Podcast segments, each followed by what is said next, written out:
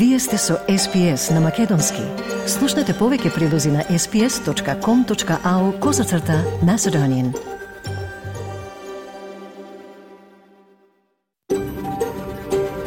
SBS, a world of difference. You're with SBS Macedonian on mobile, online, and on radio. Вие сте со SPS на Македонски на мобилен, преку интернет и на радио.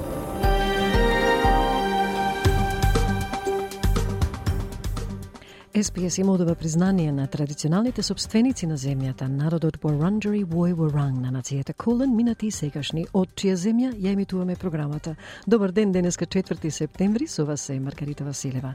Повестите поопштено за најновите настани во Македонија, каде клиниката за онкологија е под истрага поради сомнеж дека во неа се краделе лекови необходни за лекување на болните од рак. И расте бројот на откриени карциноми на женските гради во југозападниот регион во Македонија. Тој извештај после 15 минути. Од домашните теми, Лабористичката партија се очекува да го воведе својот ремонт на индустриските односи, дизајнирани да ги заштити работниците во економијата и да постави услови за низа работни места. А шпанските обвинители отворија прелиминарна истрага за однесувањето на господинот Рубијалес за да испита дали неговиот несакан бакнеш на играчот Джени Хермосо на светското првенство во фудбал за жени представува криминален напад. И подоцна во програмата ќе ја пренесеме свечената атмосфера на една од прославите на Денот на таткото во Македонската заедница во Мелбурн, Васе Коцев кој посети пензионерското друштво од селото Беранци и подготви прилог за тоа како оваа пензионерска група го прослави и одбележа Денот на таткото. Имаме и видеозапис на нашата Facebook страница. Останете со нас сега најнапред да следуваат вестите на SPS со Радица Бојковска Димитровска. Радица повели. Благодарам Марга, добар ден и од мене. Во денешниот билтен, првата стратегија за аутизам во Австралија е отворена за повратни информации од јавноста. Подржувачите на кампањата Не за домороден глас во парламентот реагираат за употребата на песната на Џон Фарном во реклама за кампањата Да. Македонската јавност шокирана по медиумските објави за сомневања за тежок криминал со крадење и препродавање на лековите за болните од рак од страна на дел од медицински персонал. И украинскиот председател Зеленски го разреши министрот за одбрана Олексеј Резников по обвинување за наводна корупција во министерството, нешто што Резников го негира. Следуваат вестите за 4 септември 2023. Останете со нас. Првата австралиска стратегија за аутизам е отворена за повратни информации, бидејќи сојузната влада се обидува, обидува да ги подобри резултатите од здравството, образованието и вработувањето за луѓето кои живеат со невродиверзитет. Документот за дискусија за националната стратегија за аутизам и водич, прашалник, сега се отворени за јавна консултација. Повеќе од 205.000 австралици имаат аутизам и многумина имаат помал животен век од неаутистични, неаутистичните лица, особено ако имаат иста медицинска состојба. Документот нагласува дека е потребна поголема свест на заедницата за аутизмот кај клучните професии и исто така ја зема предвид на временоста во диагнозите и пристапот на аутистичните лица до правдата и здравствените услуги. Најновиот сојузен буџет одвои дополнителни 3,7 милиони долари за консултации и истражување за националната стратегија. Подржувачите на кампањата не за воспоставување на домороден глас во парламентот се огласија со негодување поради употребата на песната You are the Voice на Џон Фарнам за кампањата Да. Песната се прикажува во реклама за кампањата Да на телевизија и социјалните мрежи пред референдумот што треба да се одржи на 14 октомври. Сенаторката од Либералната партија Микелија Кеш изјави за Канал 9 дека таа верува клучната порака во текстот на песната ја поддржува незината позиција против гласот. Целта, целата поента е дека ова треба да биде обединувачки момент за нашата земја, а господин Албанези успешно не дели, рече сенаторката Кеш. The whole point is this should be a unifying moment for our country, and Mr Albanese is successfully dividing it. Uh, but I also have to say, Peter Dutton was dead right yesterday uh, when he highlighted the irony of the voice as the anthem for the yes case. You're the voice, try and understand it. Џон Фарнам вели дека донел одлука да даде дозвола неговата песна од 1986 Шеста година да се користи во рекламата за кампањата Да, бидејќи таа му го променила животот и се надева дека песната може малку да ги промени животите и на припадниците на првите народи на подобро.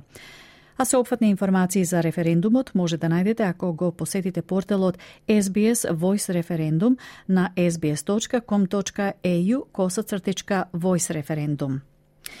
Водачите на регионалните заедници ги засилуваат напорите да создадат разговор и свесност во врска со референдумот за воспоставување домороден глас во парламентот.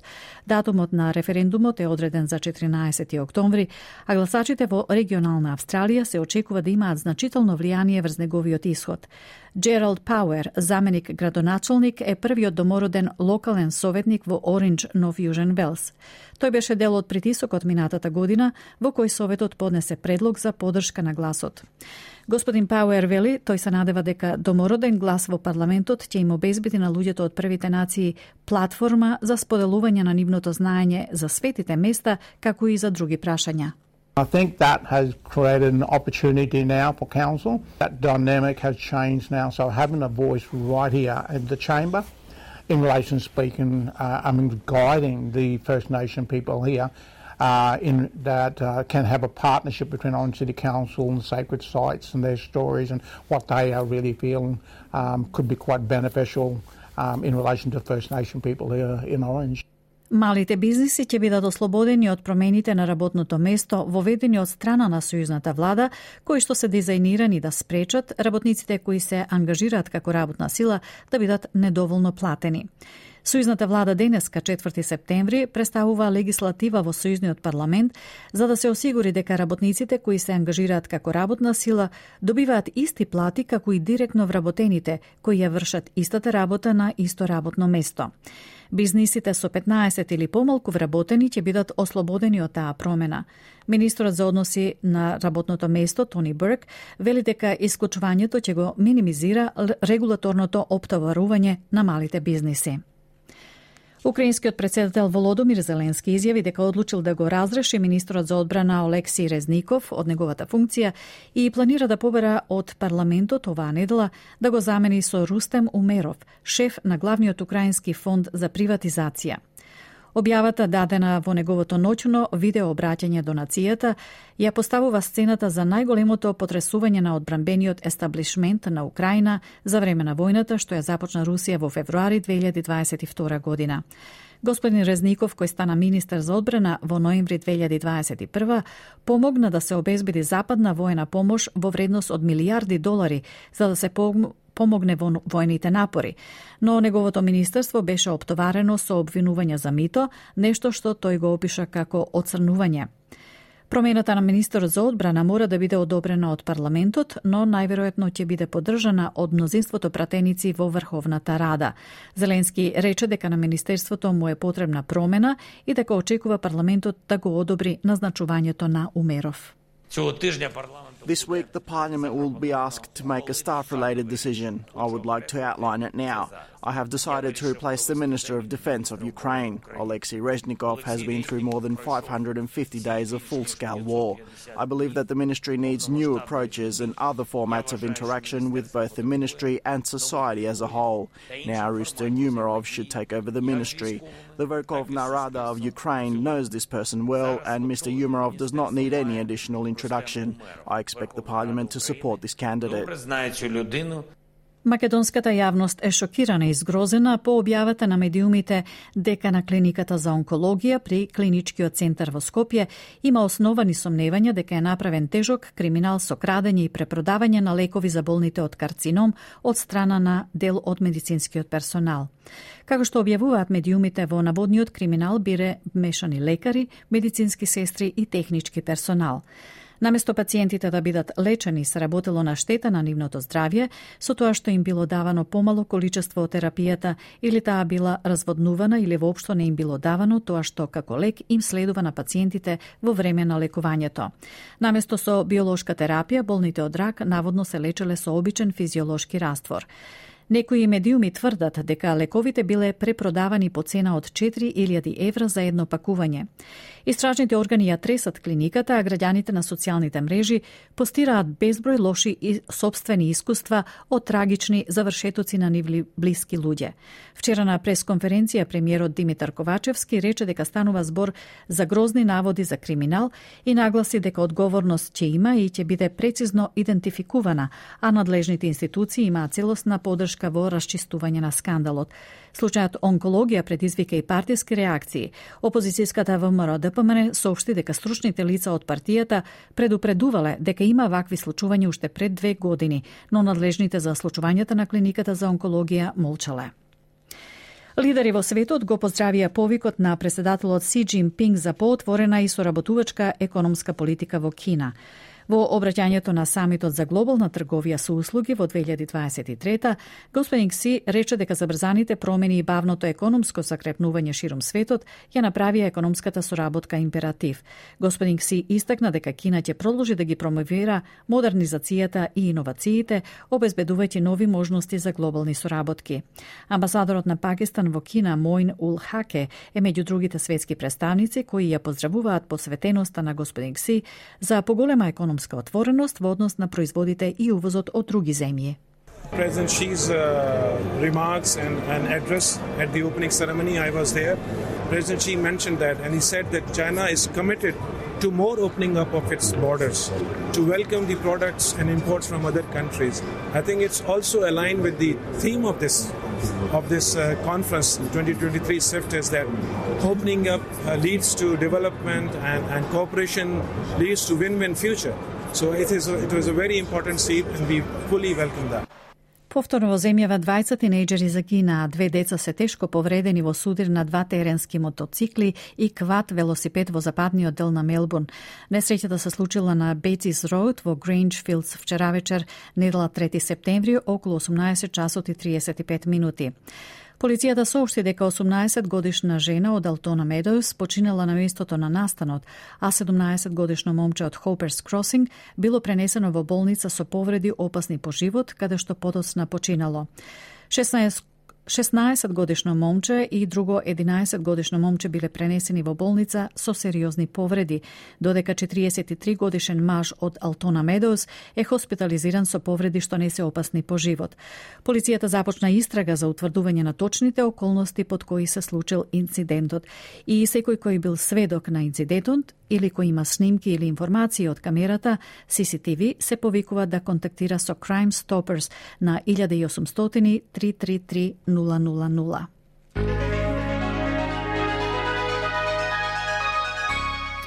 Од најновата курсна листа, денеска еден австралиски долар се менува за 0,59 евра, 0,64 американски долари и 36,51 македонски денар, додека еден американски долар се менува за 56,65 македонски денари, а едно евро за 61,02 македонски денари.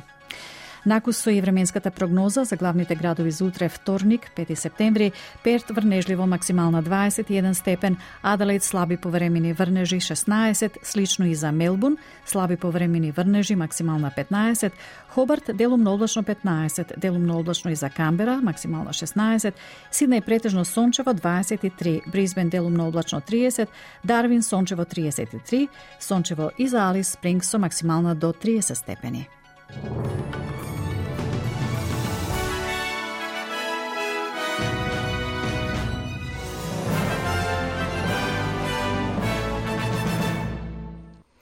Благодарам, Радица. Денешниот билтен вести на SBS со Радица Бојковска Димитровска ќе биде достапен на нашите веб и Facebook страници подоцна во денот, заедно со комплетната програма. Тамо секако ќе најдете и голем избор прилози, интервјуа и видеозаписи на разни теми. Со вас до крајот на програмата останува Маргарита Василева, а вие сте со SBS Audio на Македонски. Ја следите програмата на SPS Audio на Македонски. Извештајот од Македонија покрива четири главни теми. Клиниката за онкологија е под истрага поради сомнеш дека во неа се краделе лекови необходни за лекување на болните од рак. Расте бројот на откриени карциноми на женските гради во југозападниот регион во Македонија и македонскиот премиер Ковачевски вели дека до крајот на скринингот ќе се обезбедат 80 пратеници што ќе гласат за уставни измени. И ВМРО ДПМН не отстапува од ставот дека незините пратеници нема да поддржат никакви измени во Уставот. Нашиот редовен известувач од Македонија Бране Стефановски ги покрива четирите главни теми денеска.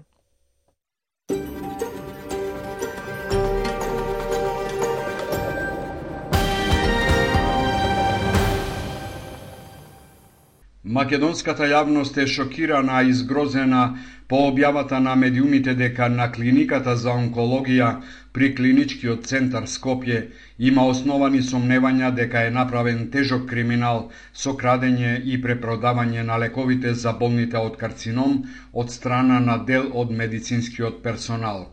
Како што објавуваат медиумите во наводниот криминал биле вмешани лекари, медицински сестри и технички персонал.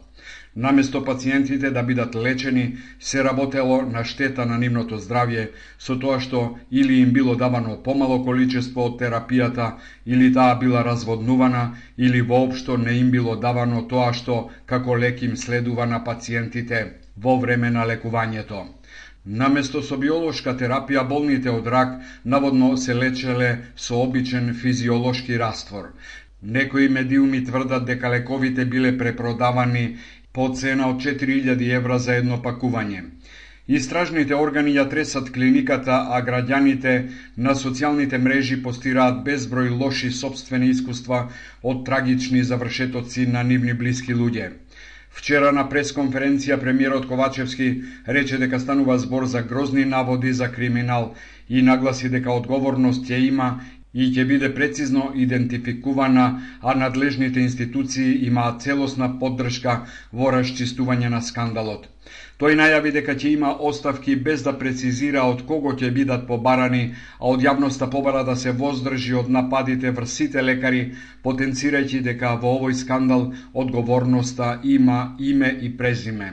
Секој криминал има своје име и презиме, има одговорност и задачата на Министерството за внатрешни работи и на обвинителството е да обезбеди докази врз основа на кои што ќе бидат идентификувани сторителите, а повторувам уште еднаш од страна на председателот на владата и од владата нема да има никакви интервенции во однос на заштита на било кого. Ваков тип на криминал е мултипартиски, мултиетнички и мултикултурен. Државните ревизори во април годинава го објавија извештајот за работата на клиниката за 2021 година, во кој се нотирани пропусти при набавка на биолошка терапија, акцелератор кој фаќа прав, монополски тендери, лошо планирање на системот за приклучување на пациенти на терапијата, пречекорување на буџетот за над 10 милиони евра и ненаплатени долгови од речиси 3,5 милиони евра. Во терапиите на пациентите, ревизиите утврдиле дека во 2021 година немало протокол и докторите одлучувале кој ќе добие биолошка терапија без да се провери за лихата на терапијата и дали има доволно за пациентите кои веќе биле поставени на оваа терапија, што подоцна било коригирано. Во март годинава медицинска сестра од дневната болница на клиниката украде 20 на ампули од различни видови цитостатици вредни неколку илјади евра и откако беше фатена преку видео надзорот, се предозира со апчиња и беше хоспитализирана на клиниката за токсикологија. Случајот онкологија предизвика и партиски реакции. ВМРО ДПМН да е соопшти дека стручните лица од партијата предупредувале дека има вакви случувања уште пред две години, но надлежните за случувањата на клиниката за онкологија молчеле. Доктор Лазо Јовчески на пресконференција изјави. Освен замајување на јавноста, нема мерки со кои треба да се спречат ваквите случаи, кои како последица може да имат и губење човечки животи. Токму оваа влада на СДСМ и ДУИ ветуваше живот, а очигледно испорача само човечки несреќи. Оваа влада на СДСМ и ДУИ вети децентрализација на третманот на овие пациенти, а истиот е максимално централизиран. И гледаме како наместо да ги лечат најтешко болните, ги крадат со години. СДСМ во својата писмена реакција им дава целосна поддршка на институциите за целосно расчистување на случајот. Во реакцијата се вели, за вакви криминални работи се зборува 20 години, но сега првпат надлежните институции се зафаќаат со негово расчистување. Институционалното постапување е вистински начин за што поскоро целосно расчистување на случајот и одговорност на сите вклучени се вели во реакцијата на СДСМ. Се зголемува бројот на пациентки со карцином на градите во југозападниот регион. Особено загрижува податокот дека се намалува старосната граница, па најмладата пациентка има само 27 години. Овие податоци се од здравствениот дом од Вевчани, во кој пред 20 години е направена првата мамографија во југозападниот регион на земјава. Првата година во оваа установа имало само 500 пациентки годишно, а денеска таа бројка изнесува 1500 мамографии и дополнително по 2000 до 3000 ехо прегледи. Доктор Жарко Даскаловски вели дека е необходно подобрување на услугите со нов мамограф и ехоапарат. Ти нашите апарати, значи кога почнавме да работиме беа нови, значи ехо апаратот и мамографот, но со тек на време, значи сепак тие ние ги одржуваме, али сепак треба да се донесат нови апарати. Значи сепак а, услугата, односно квалитетот, значи и работата на мојата екипа е на завидно ниво, но сепак апаратурата, значи малматот и ехото апаратот треба да се донесат нови. Лекарите апелираат на редовни прегледи еднаш годишно кај помладите, а два пати годишно кај постарите пациентки. Дебатата за уставните измени не стивнува и се очекува таа да се интензивира со целосното враќање на работа на собранието, а тоа е утрешниот ден 5 септември, за кога е закажана нова седница во Законодавниот дом но се уште нема одговор на прашањето дали власта ќе успее до крајот на скрининг процесот да го обезбеди потребното двотретинско мнозинство. Премиерот Димитар Ковачевски вчера упати нова порака до пратениците во која вели дека двотретинското мнозинство е потребно за натамошното продолжување на евроинтегративниот процес на земјава, а сите во парламентот имаат обврска да ја поддржат интеграцијата на Македонија во Европската Унија две третини мнозинство е потребно заради гласање за понатамошно продолжување на евроинтеграцијскиот пат на државата. Значи за тоа се гласа.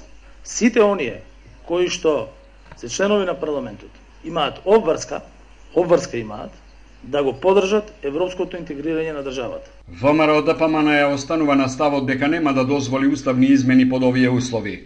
А ако сакаме да се придвижиме кон ЕУ, најпрво оваа власт треба да замине, одговара ВМРО ДПМН.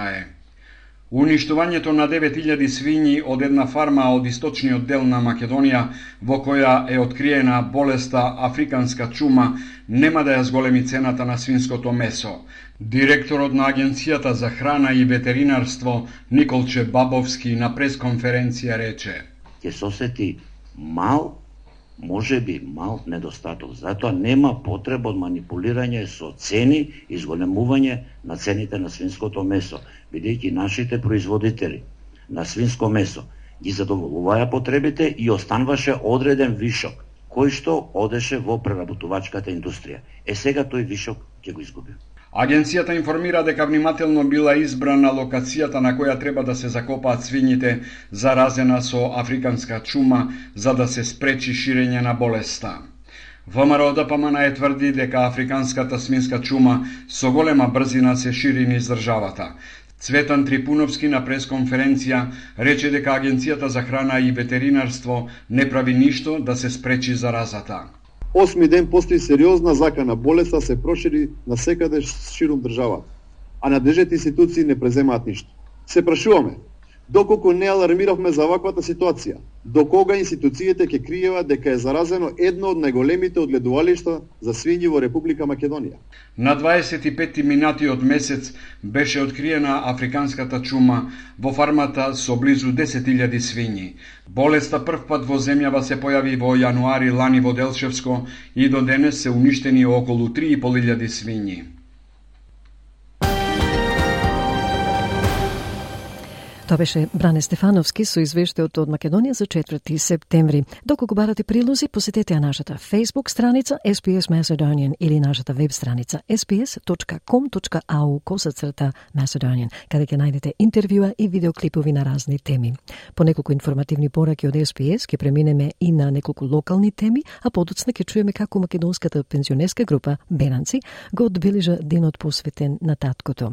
Останете со SPS Урија на македонски. Thank you. Слушате прилог на македонски јазик на SPS Audio со Маргарита Василева. Продолжуваме со актуелности од Австралија и федералната влада се постави на пат на војна со големите бизнеси околу промените во системот на индустријските односи. Лабористичката партија наскоро треба да го воведе својот ремонт на индустријските односи, дизајниран да ги заштити работниците во економијата и да постави услови за низа работни места. Повеќе на оваа тема од прилогот на Ана Хендерсон и Омобело за SBS News.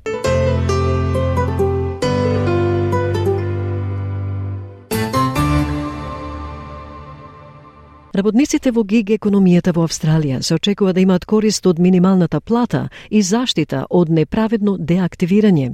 Серија нови закони за индустријски односи беа објавени за да се отстрани притисокот од работниците на гиг економијата кои се подпираат на бакшиш за да врзат крај со крај.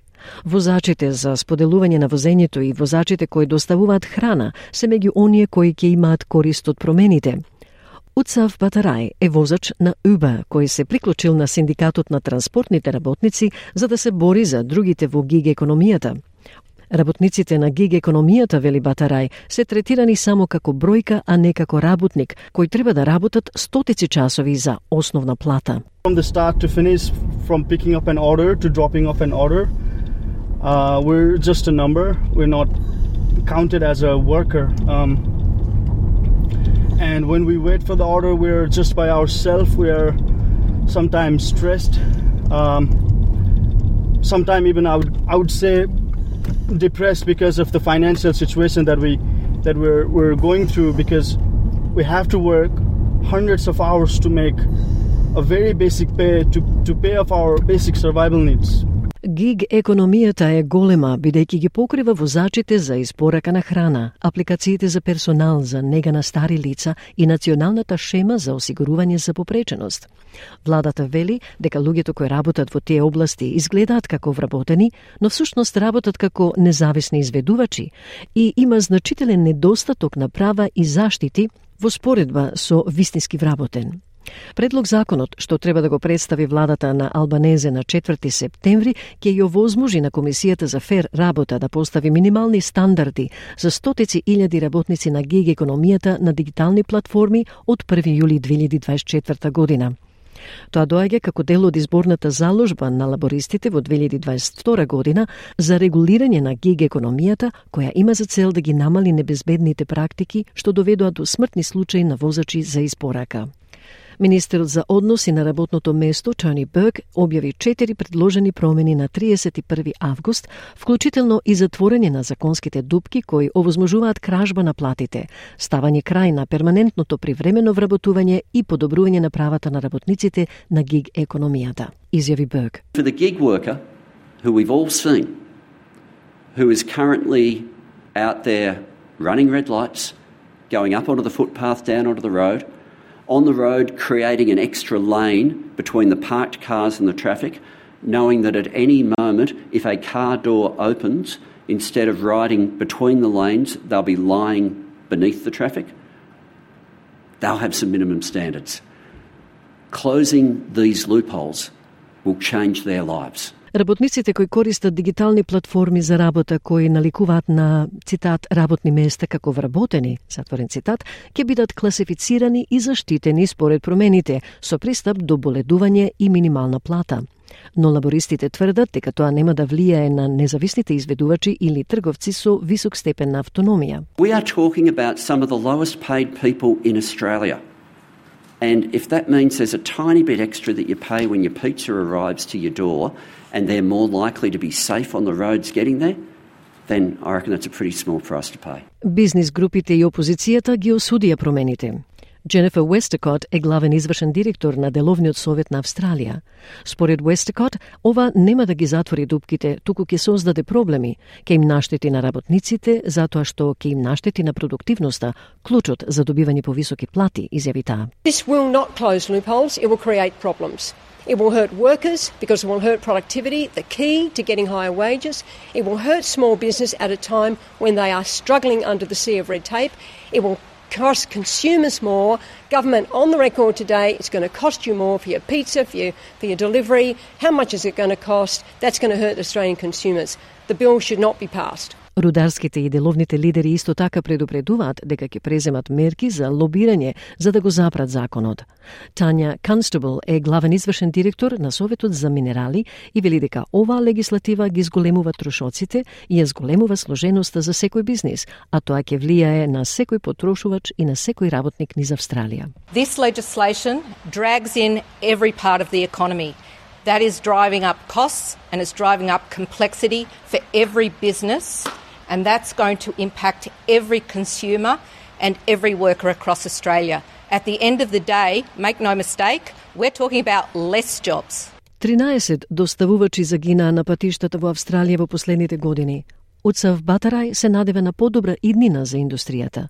Тој потенцира дека работниците во гиг економијата работат во компании вредни повеќе милиарди долари, но дека работниците немаат никакво физичко обезбедување. Не знаат како земаат плата, која е метриката и кои се параметрите за да се платат, вели тој. We're working in a multi-billion dollar companies, but we have nothing. We do not have any physical security. Sometimes we get grocery orders we, uh, which are 60 kilos and we're getting paid $10 to drive up to 7 8 kilometers and that's not transparent. We do not know how we are getting paid. What's the what's the matrix? What's the parameters of us getting paid? I'm, I'm getting for the same order. If I'm if I'm pay, getting paid five dollars, another driver is getting six dollars or seven dollars, and and it's completely not transparent.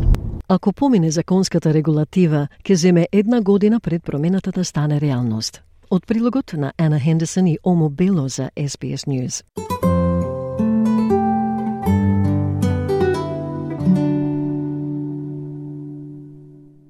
Добро дојдовте на SPS Audio на Македонски, со вас е Маргарита Василева. Продолжуваме со актуелности. Шпанската фудбалска федерација издаде соопштение во кое бара итна оставка од првиот човек на Шпанската фудбалска федерација Луис Рубијалес.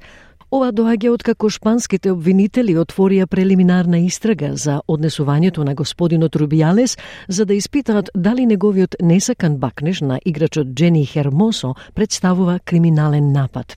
Инцидентот предизвика жестока национална и меѓународна дебата за правата на жените, мачо однесувањето и сексуалната злоупотреба во спортот. Повеќе на оваа тема од прилогот на Анджелика Уайт за SBS News.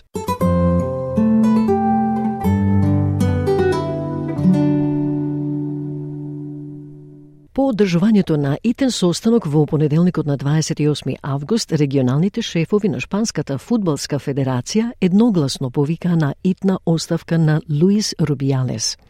Состанокот беше свикан откако се очекуваше господинот Рубијалес да се повлече од својата позиција на состанокот на Федерацијата во петокот на 25 август, но наместо тоа тој го бранеше своето однесување и го нарече бакнежот спонтан, взаемен, еуфоричен и консензуален, затворен цитат.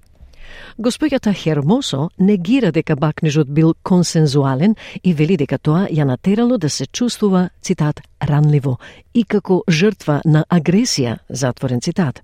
Во сообштението објавено од Федерацијата, регионалните шефови велат дека неодамнешните настани сериозно го нарушиле имиджот на шпанскиот фудбал – Председателот на Фудбалската федерација на Лас Палмас, Хуан Хозе Аренсибија, вели дека барањето за оставка ја одразува посветеноста на федерацијата да направи суштински и необходни промени. I couldn't be flexible with this. I came to the last meeting thinking that he would resign, and it was clear to me that in this kind of issue, the values and morals are above everything else. Changes need to be made, and this is a unique change to make things right and make facts beyond the words and statements. We need to take action. Обвинителот на Високиот суд на Шпанија отвори прелиминарна истрага за тоа дали господинот Рубијалес може би извршил чин на сексуална агресија. Среде континуираните последици, демонстрантите излегоа на улиците на Мадрид во понеделникот на 28 август за да покажат поддршка за господјата Хермосо и да побараат оставка на господинот Рубијалес. Шпанскиот вице-премиер Јоланда Диаз присуствуваше на протестот во знак на солидарност со господјата Хермосо. Господјата Диаз вети целосна поддршка за фудбалската звезда, велики дека на господинот Рубиалес и на оние кои ги бранија неговите постапки не треба да им се дозволи да ги задржат своите лидерски позиции. Според Диаз, оние функционери кои му аплаудираа на господинот Рубиалес не се соодветни да продолжат на своите позиции. Тие аплаудираа на кршењето на нечии права и на предпоставената сексуална агресија, изјави Диаз. Those officials who applauded Mr. Rubiales are not suitable to continue in their positions. Whoever applauds the violation of someone's rights, whoever applauds a presumed sexual aggression, should not continue in their positions. En sus puestos. Зборувајќи заедно со господјата Диаз во понеделникот на 28 август, председателката на Шпанскиот женски фудбалски сојуз, Футпро, Аманда Гутиерез, рече дека инцидентот ја кристализира итната потреба за системски промени. Аманда Гутиерез изјави дека не се работи само за еден чин, туку дека ова е структурен проблем со системот што го организира фудбалот во Шпанија. Mi apoyo total y absoluto a, a nuestra afiliada. I give my full support to our member, Jenny Hermoso. Like we said in our statement, this is not just about a single act, nor do we want it to be focused on just one person. But what we want to say and what we have said together with the players is that this is a structural problem. This is a problem with system which organizes soccer in our country. del fútbol nacional de nuestro país. Лидерите надвор од Шпанија исто така се вклучија во контроверзијата. Портпаролот на Обединетите нации Стефан Дујарич вели дека сексизмот е се уште критично прашање во спортот, барајќи од шпанските власти да одговорат на начин што ќе ги адресира овие пошироки системски и структурни прашања. Господинот Дујарич прашува колку е тешко некој да не се бакнува во усни и смета дека овде постои критично прашање на сексизмот што станува во спортот. Тој вели се надева дека шпанските власти и шпанската влада ќе се справат со ова на начин што ги почитува правата на сите спортистки. I mean, how how difficult is it not to kiss somebody on the lips, right? I mean, we the, the there is a critical issue of uh, of sexism that remain in sports, and we hope that the Spanish authorities um, and the Spanish government deal with this in in a manner that respects um, the rights of, of all female athletes.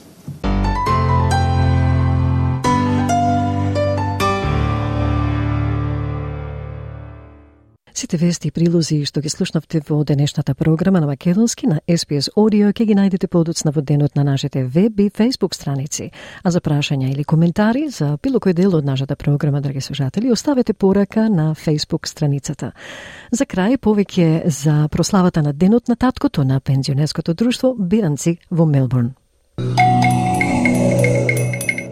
Денот на таткото, Father's Day, празник на почитување на татковството и татковските врски, како и на влијанието на татковците во обштеството. Денот се одржува на различни датуми на светот, а различни региони си одржуваат своји традиции на почитување на татковството. Во Австралија се одбележа вчера. Васе Коцев го посети пензионерското друштво целото Беранци во Мелбурн и подготви прилог за тоа како оваа пензионерска група го прослави и одбележа денот на таткото. Пензионерското друштво Целоберанци Битолско рече си да нема некој позначаен настан, а да не се соберат и да го прослават заедно. Така беше и за денот на таткото. На почетокот од прославата, присутните ги поздрави, чиститајќи им го денот на таткото, председателот на пензионерското друштво Беранци, господинот Раде Тасевски. Да ви го честитам дено на татковците, да не биде за многу, многу години. Уште една сакам да ви посакам све најдобро за денес и да имаме убав ден сите заедно. Господја Лилјана Атанасовска пак од името на сите жени, на сите татковци им го честиташе празникот и зборуваше за улогата на таткото во животот на семејството. Денот на таткото е ден кога се слави посебната врска која постои меѓу таткото и неговите деца. Ден кога му се оддава почит на татковците.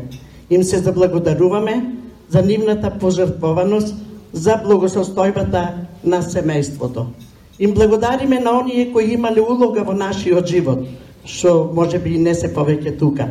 Татковците имаат незаменлива улога во животот на децата. Улога на заштитник, учител и пријател.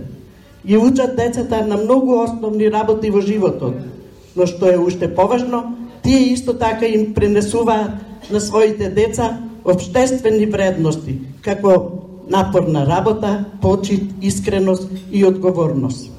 Секој грижлив татко се труди да им го даде најдоброто од себе, за да создаде убава иднина на своите деца, да имаат позитивно личности за подобар живот. Како изненадување од управата за најстариот татко, присутен на денот, имаше и мал подарок. А најстариот татко беше Доне Трајчевски. Ние по списокот наш, како што знаеме, како што одевме, како што гледавме, најстариот татко ќе го повикаме да дојди, имаме нешто изненадно за него, тој е Доне Трајчевски. Доне да ти се множат годињата за многу години, за тебе денес ние спремавме едно мало изненадување su zdravlje, da ga nosiš ili...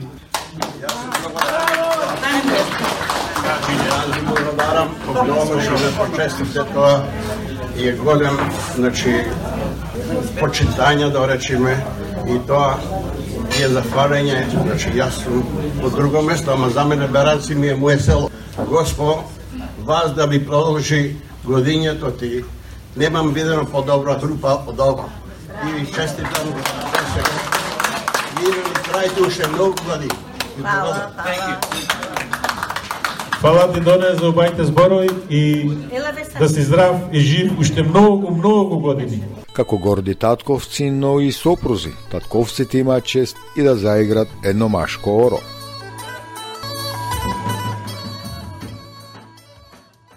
Сите весели и насмеани, но и енергични, пензионерите и пензионерките покажаа дека се уште можат да ги играат македонските ора без проблем со оглед на годините. Секретарот на пензионерското друштво Сребре Атанасовски вели дека редовно се собираат како друштво кое брои околу 200 членови.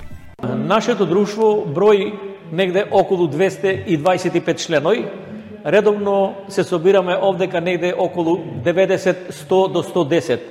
Денес сте собрани во поголем број тука да го прославиме овој ден, денот Фадездај. Собрани сте денес околу 120 души. Но за да се организира еден ваков настан, потребни се многу подготовки на организацијски план за се да помине по најдобар ред, и тоа на волонтерска основа.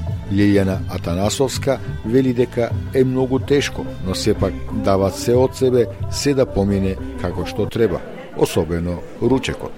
Многу напорно. Не е само денес, за да дојдеш до овој ручек што си имаме гости, треба малце отпојке работа. На менјуто, а, ми се чини менјуто беше не, не може никој да напред компоели. И, и оти имаме и посло и масло. Тие што си постат, за ними спремаме риба, каламари рингс, ориз, компир, пиперче, А па за тие што мрсат има домашни сосичи праени специјално за денес, кебапи, а, имавме ражничина, по две ражничина имаше, па мисля, че ни богато беше, луѓето сите гледам задоволни, панците ги измија, што е најважно, тоа значи дека беше убаво. И Јана Илиевска од волонтерскиот тим и вели дека и понатамо ќе продолжат да се собираат зашто тоа им е потребно на пензионерите, но и дека имаат соработка и со другите пензионерски друштва. Секако во иднина ќе се продолжиме за истите празници, за илигденските празници и за многу, многу други празници. Планираме да се собираме и уште посвечено да се прославува. Секако, секако. Имаме соработка овде и со сите пензионерски групи соработуваме заедно. Секој петок е така кај Беранци, да, секој петок. Беранци мислам ја многу групи одам, али Беранци е највеселото, најубавата група што сме редовни тука кај неја. Венка Тасевска од управата на друштвото исто така вели дека, иако е тешко, ќе продолжат со работа и да се собираат и понатаму. Денеска сме претерано пред радосни и, и така убо. Денес весело, со јадење, со пиење, малце за нас е терет. Тро, трчаме од Сабајле од 8 сато, па се до 5 сато вечер. И Никола. За нас управата е тешко. За овие што седат, Здравје да што чека си вела супер, супер ова, супер она, ама ние си знаеме. Дури можеме ќе одиме. Еве 17 години сме во ова друштво, во Беранци највеселото друштво. Одбележувањето на денот на таткото во пензионерското друштво од битолското село Беранци траеше до доцна од денот, а сите присутни среќни и задоволни го напуштија Мемориал Хол во населбата Ейпинг во Мелбурн. Од македонската програма SPS Audio честит нека им еден од на сите татковци за работата што ја прават како еден од главните столбови во семејството. И му благодараме на нашиот колега Васе Коцев што ни го прикажа овој настан кој се одржа на викендот. А за крај да се подсетиме на главните вести на SBS. Првата стратегија за аутизам во Австралија е отворена за повратни информации од заедницата. Подржувачите на кампањата Не за домороден глас во парламентот реагираат за употребата на песната на Џони Фанам во реклама за кампањата Да. Македонската јавност шокирана по медиумските објави за сомневање за тежок криминал со крадење и препродавање на лековите за болните од рак од страна на дел од медицински персонал. И украинскиот председател Зеленски го разреши министерот за одбрана Алексеј Резников по обвинување за наводна корупција во Министерството. И тоа е се за денеска, почитувани слушатели. Ви благодарам на вашето внимание. Се обидовме да ве ставиме во текст со некои од најновите случувања во Австралија, Македонија и светот. Доколку имате коментар, оставете порака на нашата Facebook страница, а ние ви очекуваме повторно утре на SPS Audio за следната емисија на Македонски. Во меѓувреме за избор прилози и разговори посетете не на интернет sps.com.au косацрта Macedonian или на Facebook SPS Macedonian. Од Маргарита Василева, пријатно попладне и до слушање слушање до утре. Сакате ли да чуете повеќе прилози како овој? Слушате подкаст преку Apple Podcasts, Google Podcasts, Spotify или од каде и да ги добивате вашите подкасти.